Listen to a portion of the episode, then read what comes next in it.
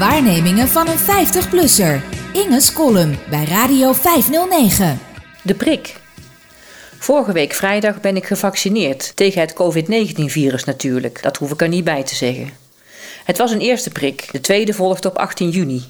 Ik was blij toen de uitnodiging van de GGD om een afspraak te maken in de brievenbus viel.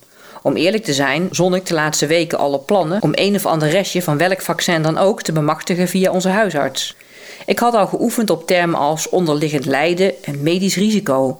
Ook was ik van plan de onderwijsinstelling waar ik werk schaamteloos uit te spelen en de groepen jonge mensen die daar rondlopen. Het bleek niet nodig. Jammer wel, want ik ben geroutineerd in assertief gedrag en functioneel zielig doen. En ik heb er nog plezier in ook. Ik moet toegeven dat ik me in eerste instantie ook afvroeg of een in enkele maanden in elkaar geknutseld vaccin wel betrouwbaar kon zijn. Ik ken mensen die overal deskundigen tegenkomen die daaraan twijfelen en die dan ook niet bereid zijn zich te laten vaccineren. Zelf ben ik toch meer van het pragmatische soort, opportunistisch zo je wilt. Ik geloof wel dat er medisch veel mogelijk is, als er maar geld is. Dat zie je overal om je heen. Hoe aangrijpender de ziekte en hoe invloedrijker, gefortuneerder en wijdverbreid de leiders daaraan zijn, hoe sneller er een medische oplossing wordt gevonden. Het kan gewoon, als je maar betaalt.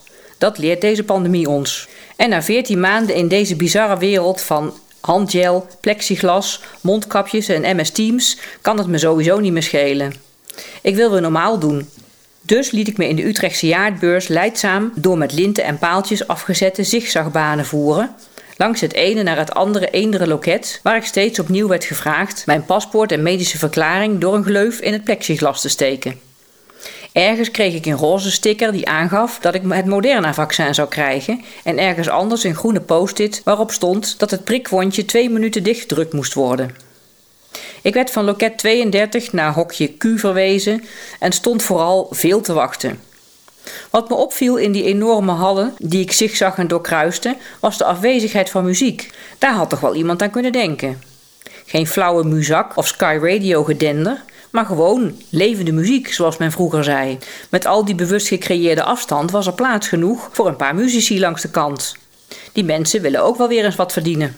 Een kalm vioolquintet aan het begin van het traject, om de moed erin te houden en de wachtenden niet te verontrusten. In de volgende hal zou wat meer uptempo aardig zijn, zodat de mensen op anderhalve meter afstand tussen de linten een beetje op de plaats kunnen bewegen om de wachttijd te verkorten. En dan aan het eind, nadat de prik is toegediend en de gelukkige, zojuist gevaccineerde opgelucht naar de wachtkamer loopt om het verplichte kwartiertje uit te zitten, in erehaag van koperblazers en ontvangst met triomfantelijk overwinningsmuziek, klaroengeschal, een militaire mars voor mijn part. Maar nee, slechts geroezemoes en verkrampte beenspieren waren mijn deel. En de prik voelde ik ook al niet, zodat ik pas begreep dat de daad volbracht was toen de prikster van dienst, dat was het dan, zei. Hoewel ik niet huppelend van geluk naar buiten kwam, er geen gejuich opklonk, ik geen gladiolen overhandig kreeg en er niet met confetti werd gegooid, ben ik toch blij met deze prik. Het voelt als het begin van het einde, het moment waarop het normale leven weer kan beginnen. Maar er is ook iets wat me verontrust. Ik herken mezelf haast niet meer. Er is namelijk iets grondig mis met mijn heilige principes. Vroeger was ik fel gekant tegen merktekens, stigmata die mensen apart zetten. Ook verplichte registratie, om welke reden dan ook, kon op mijn afkeuring rekenen. Hoewel vergelijkingen met de Tweede Wereldoorlog niet uit mijn toetsenbord komen, heb ik me ook in deze columns in het verleden verzet tegen slechtziende buttons en badmutsen en groene hesjes met een sneuwe tekst over afstand houden. Daar sta ik nog steeds achter.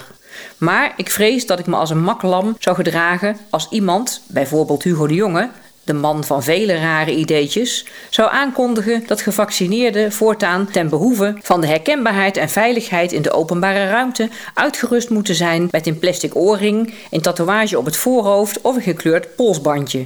Ik zou misschien wel even wat mokken en tegenstribbelen voor de vorm, maar dan toch met een glimlach die tatoeage laten zetten of dat gaatje in mijn oorlel laten boren.